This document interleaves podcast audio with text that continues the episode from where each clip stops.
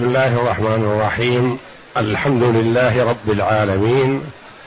والصلاة والسلام على نبينا محمد وعلى آله وصحبه أجمعين. وبعد. بسم الله. أعوذ بالله من الشيطان الرجيم.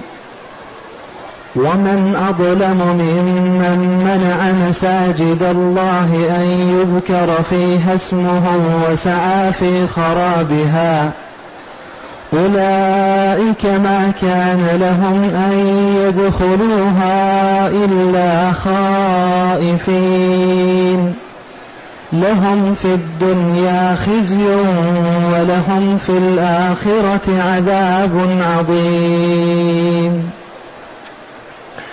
هذه الآية الكريمة من سورة البقرة جاءت بعد قوله جل وعلا وقالت اليهود ليست النصارى على شيء وقالت النصارى ليست اليهود على شيء وهم يتلون الكتاب الآية.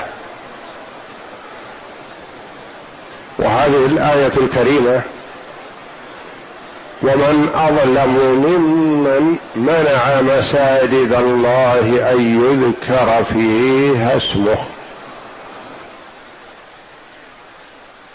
ومن أظلم يعني لا أحد أظلم ممن فعل هذا. هذا تشهير وتنويه عليهم بالظلم. من فعل ذلك فإنه أظلم الناس. في من نزلت قيل نزلت في النصارى حينما أعانوا من تسلط على بيت المقدس. هذا قول لجمع من المفسرين. وقيل المراد والله أعلم كفار مكة.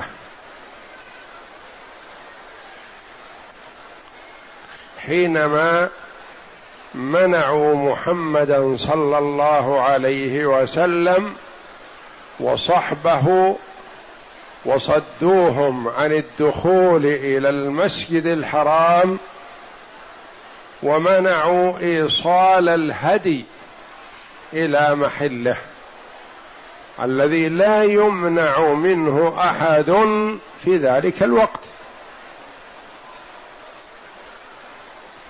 وهذا أقرب والله أعلم ورجحه كثير من المفسرين لأن الكلام السابق في اليهود والنصارى. ثم جاء الكلام عن المشركين الذين صدوا محمدا صلى الله عليه وسلم عن المسجد الحرام. ومن أظلم ممن منع مساجد الله منع المساجد أن يذكر فيها اسم الله وإضافة المساجد إلى الله جل وعلا إضافة تشريف. لأن الإضافة إلى الله جل وعلا نوعان. إضافة صفة إلى موصوف. وهذه صفة لله جل وعلا. والله جل وعلا بصفاته الحسنى. ما يقال إن هذه الصفة مخلوقة تعالى الله.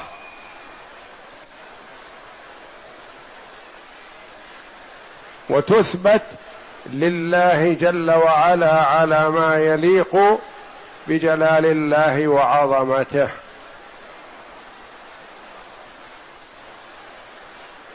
مثل علم الله وسمع الله وبصر الله ويد الله وغير ذلك من صفات الباري جل وعلا. وإضافة مخلوق إلى خالقه. هذا مخلوق. والإضافة تكون إضافة تشريف مثل ناقة الله وسقياها. ومثل المساجد بيوت الله. والكعبة بيت الله. والجنة رحمة الله يرحم الله جل وعلا بها من شاء من عباده. فهذه مخلوقات أضيفت إلى الله جل وعلا إضافة تشريف وتكريم لها. ومن أظلم ممن منع مساجد الله أن يذكر فيها اسمه. منع المساجد من أن يذكر فيها اسم الله جل وعلا لأن المساجد بنيت لذكر الله جل وعلا. في بيوت أذن الله أن ترفع ويذكر فيها اسمه يسبح له فيها بالغدو والآصال رجال لا تلهيهم تجارة ولا بيع عن ذكر الله الآية. وذكر الله جل وعلا يراد به الذكر سبحان الله والحمد لله ولا إله إلا الله والله أكبر ولا حول ولا قوة إلا بالله. وكذا قراءة القرآن وكذا الجلوس فيها لانتظار الصلاة من بعد الصلاة لانتظار الصلاة.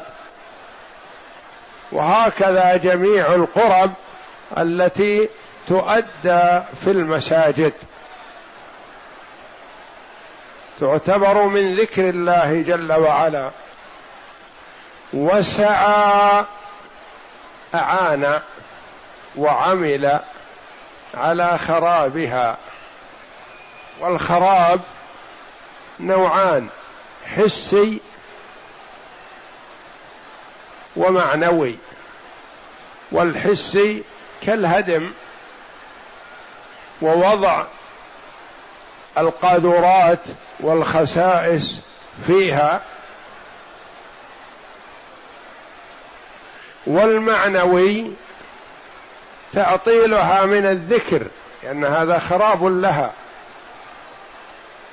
وإقامة الذكر فيها والصلاة والعبادة عمارة عمارة لها.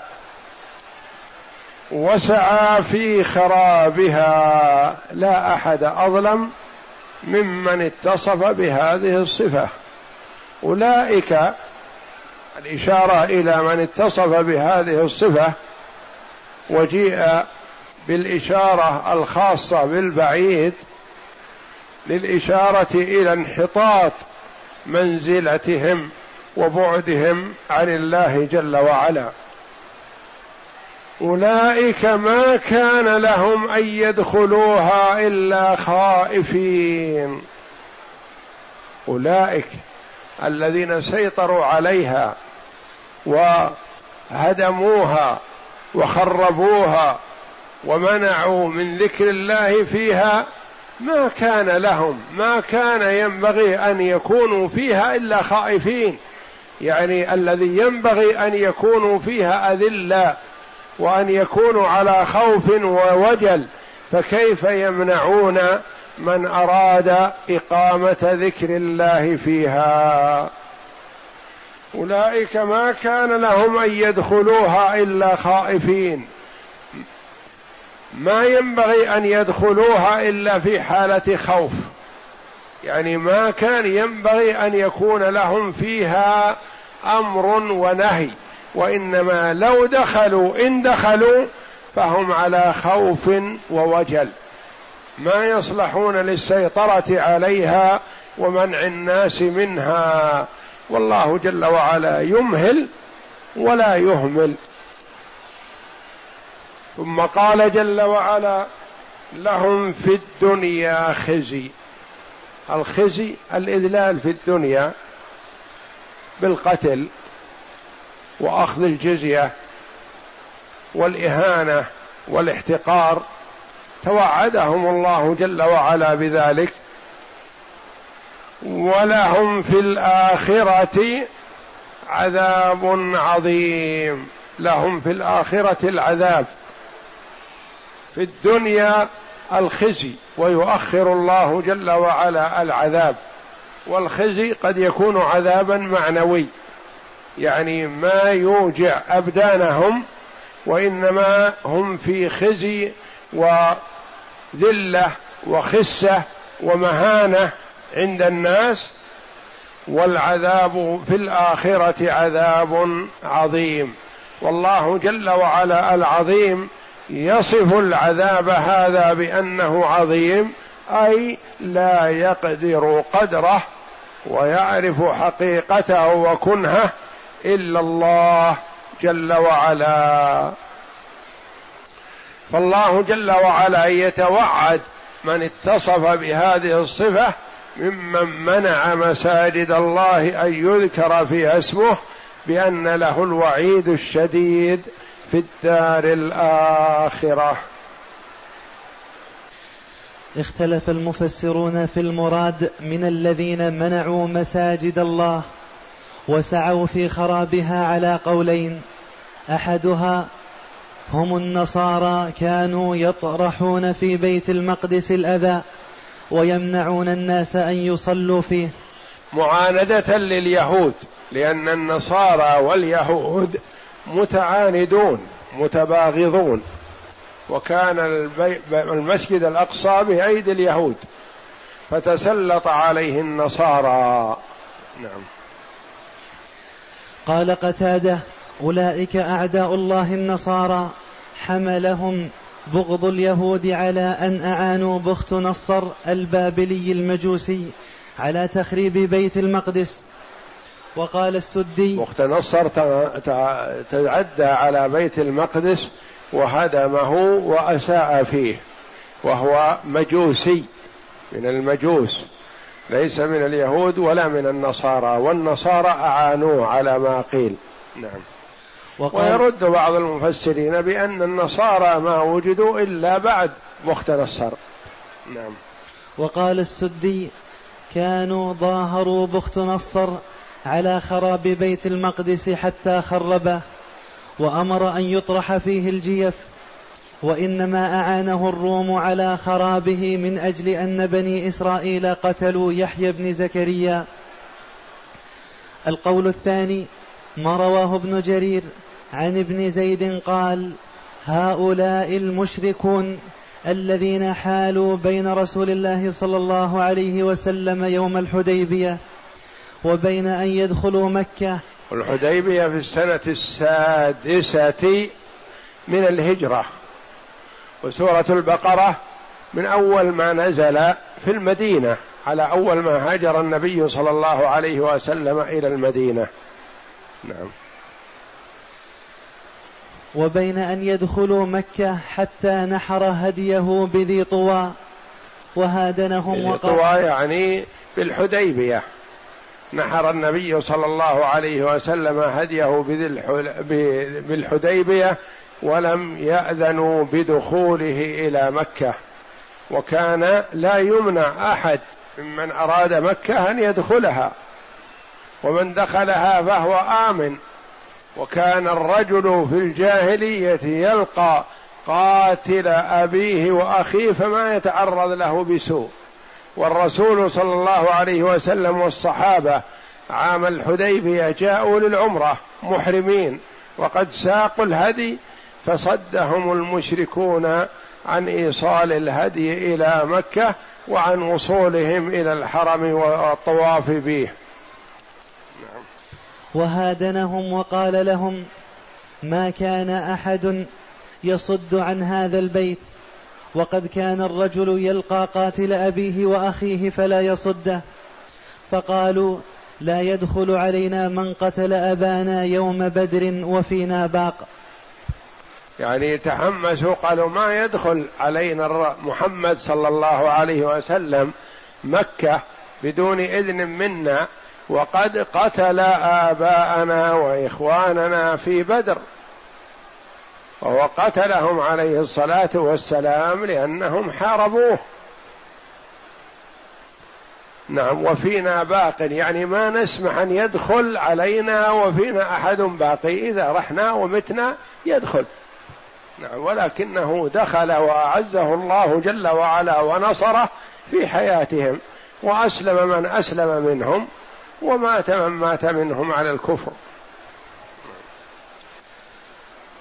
وسعى في خرابها. عن ابن عباس أن قريشا منعوا النبي صلى الله عليه وسلم الصلاة عند الكعبة في المسجد الحرام. فأنزل الله تعالى ومن أظلم ممن منع مساجد الله أن يذكر فيها اسمه ثم اختار ابن جرير القول الأول واحتج بأن قريشا لم تسعى في خراب الكعبة. وأما الروم لم تسعى في خراب الكعبة لا أكثر من سعيهم في ملئها بالأصنام. هذا أعظم خراب لها. وضعوا فيها ثلاثمائة وستين صنم. كلها تعبد من دون الله. لا أعظم من هذا الخراب لأن الخراب الخراب المعنوي أشد وأفظع من الخراب الحسي. فسعوا في تخريب بيت المقدس.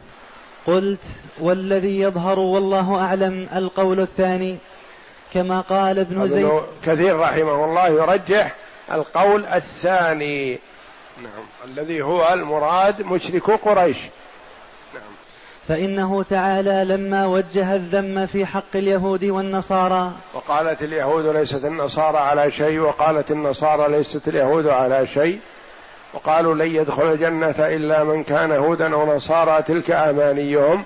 ذم الله جل وعلا اليهود والنصارى ثم بين ما أخذ على كفار قريش من الظلم والعدوان. نعم. لما وجه الذم في حق اليهود والنصارى شرع في ذم المشركين الذين أخرجوا الرسول صلى الله عليه وسلم وأصحابه من مكة ومنعوهم من المسجد ومنعوهم من الصلاة في المسجد الحرام. وأما اعتماده على أن قريشا لم تسع في خراب الكعبة فأي خراب أعظم مما فعلوا؟ أخرجوا عنها رسول الله صلى الله عليه وسلم وأصحابه. رسول الله صلى الله عليه وسلم الذي يعلن التوحيد لله جل وعلا منعوه. ومن يعلن الشرك وينادي به أدخلوه. هذا أعظم خراب نعم. واستحوذوا عليها بأصنامهم وأندادهم وشركهم كما قال تعالى وما لهم ألا يعذبهم الله وهم يصدون عن المسجد الحرام وقال تعالى هم الذين كفروا وصدوكم عن المسجد الحرام والهدي معكوفا أن يبلغ محله وليس المراد من عمارتها زخرف زخرفتها وإقامة صورها فقط. إنما عمارتها بذكر الله فيها وإقامة شرعه فيها ورفعها عن الدنس والشرك. هذه عمارة المساجد عمارتها بذكر الله وقراءة القرآن والصلاة والاعتكاف فيها وفعل الخير. هذه عمارة المساجد. أولئك ما كان لهم أن يدخلوها إلا خائفين.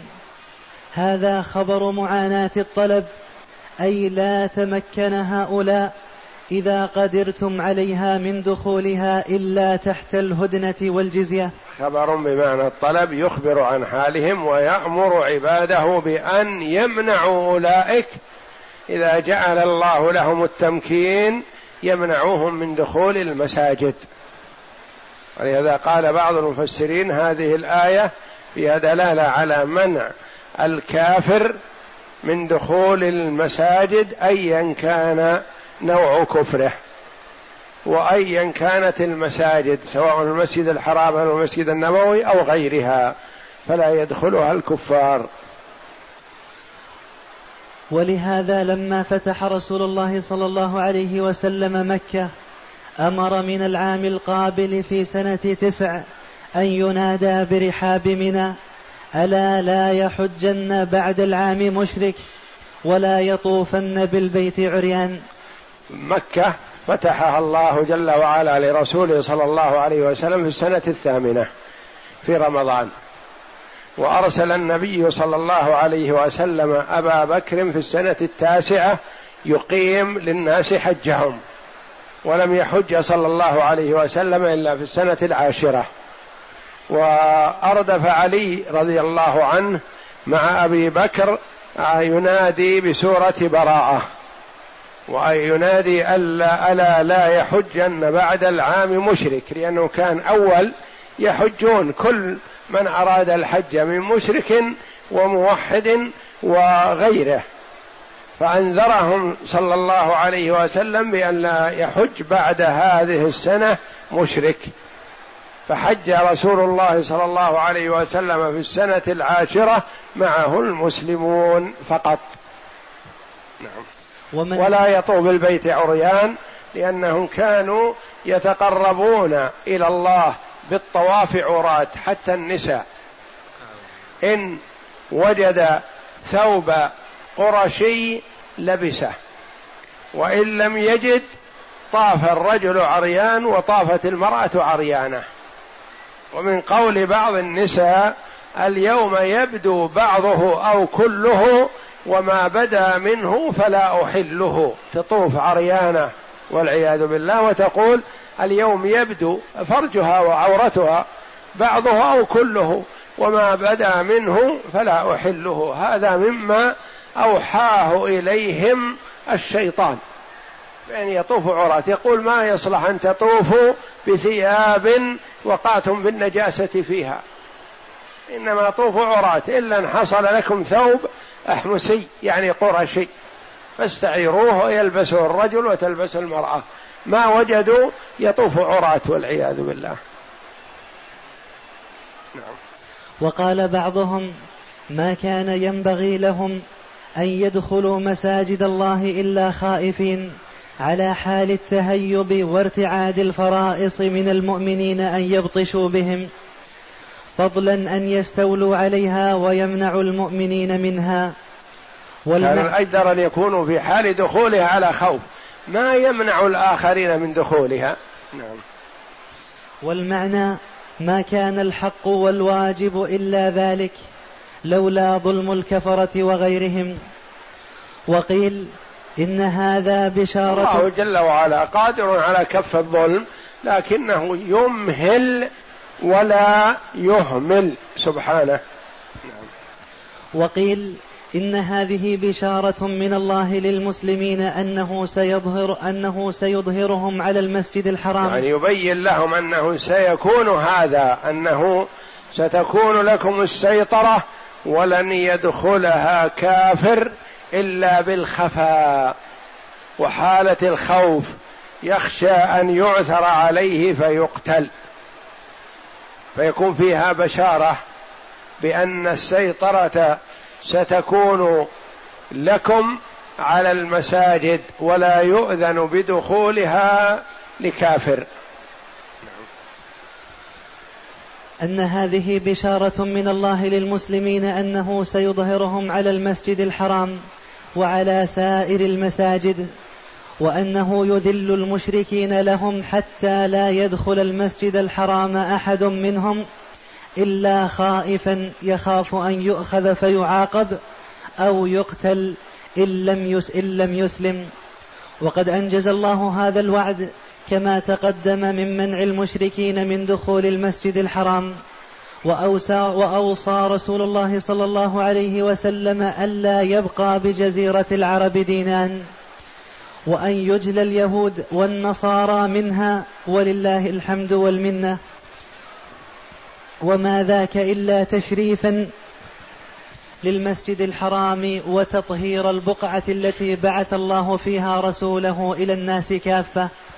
بشيرا ونذيرا صلوات الله وسلامه عليه. وهذا هو الخزي لهم في الدنيا لأن الجزاء من جنس العمل. فكما صد ما منعوا منعوهم. فكما صدوا المؤمنين عن المسجد الحرام صدوا عنه. وكما أجلوهم من مكة أجلوا منها. ولهم في الآخرة عذاب عظيم. على من انتهكوا من حرمة البيت وامتهنوه من نصب الأصنام حوله ودعاء غير الله عنده والطواف به عريانا وغير ذلك من أفاعيلهم التي يكر التي يكررها التي التي يكرهها الله ورسوله. وأما من فسر ببيت المقدس فقال كعب الأحبار إن النصارى لما ظهروا على بيت المقدس خربوه. فلما بعث الله محمدا صلى الله عليه وسلم أنزل عليهم ومن أظلم ممن منع مساجد الله أن يذكر فيها اسمه وسعى في خرابها أولئك ما كان لهم أن يدخلوها إلا خائفين. فليس في الأرض نصراني يدخل بيت المقدس إلا خائفا. وقال قتادة لا يدخلون المسجد إلا مسارقة. والله أعلم. وصلى الله وسلم وبارك على عبده ورسول نبينا محمد وعلى آله وصحبه أجمعين.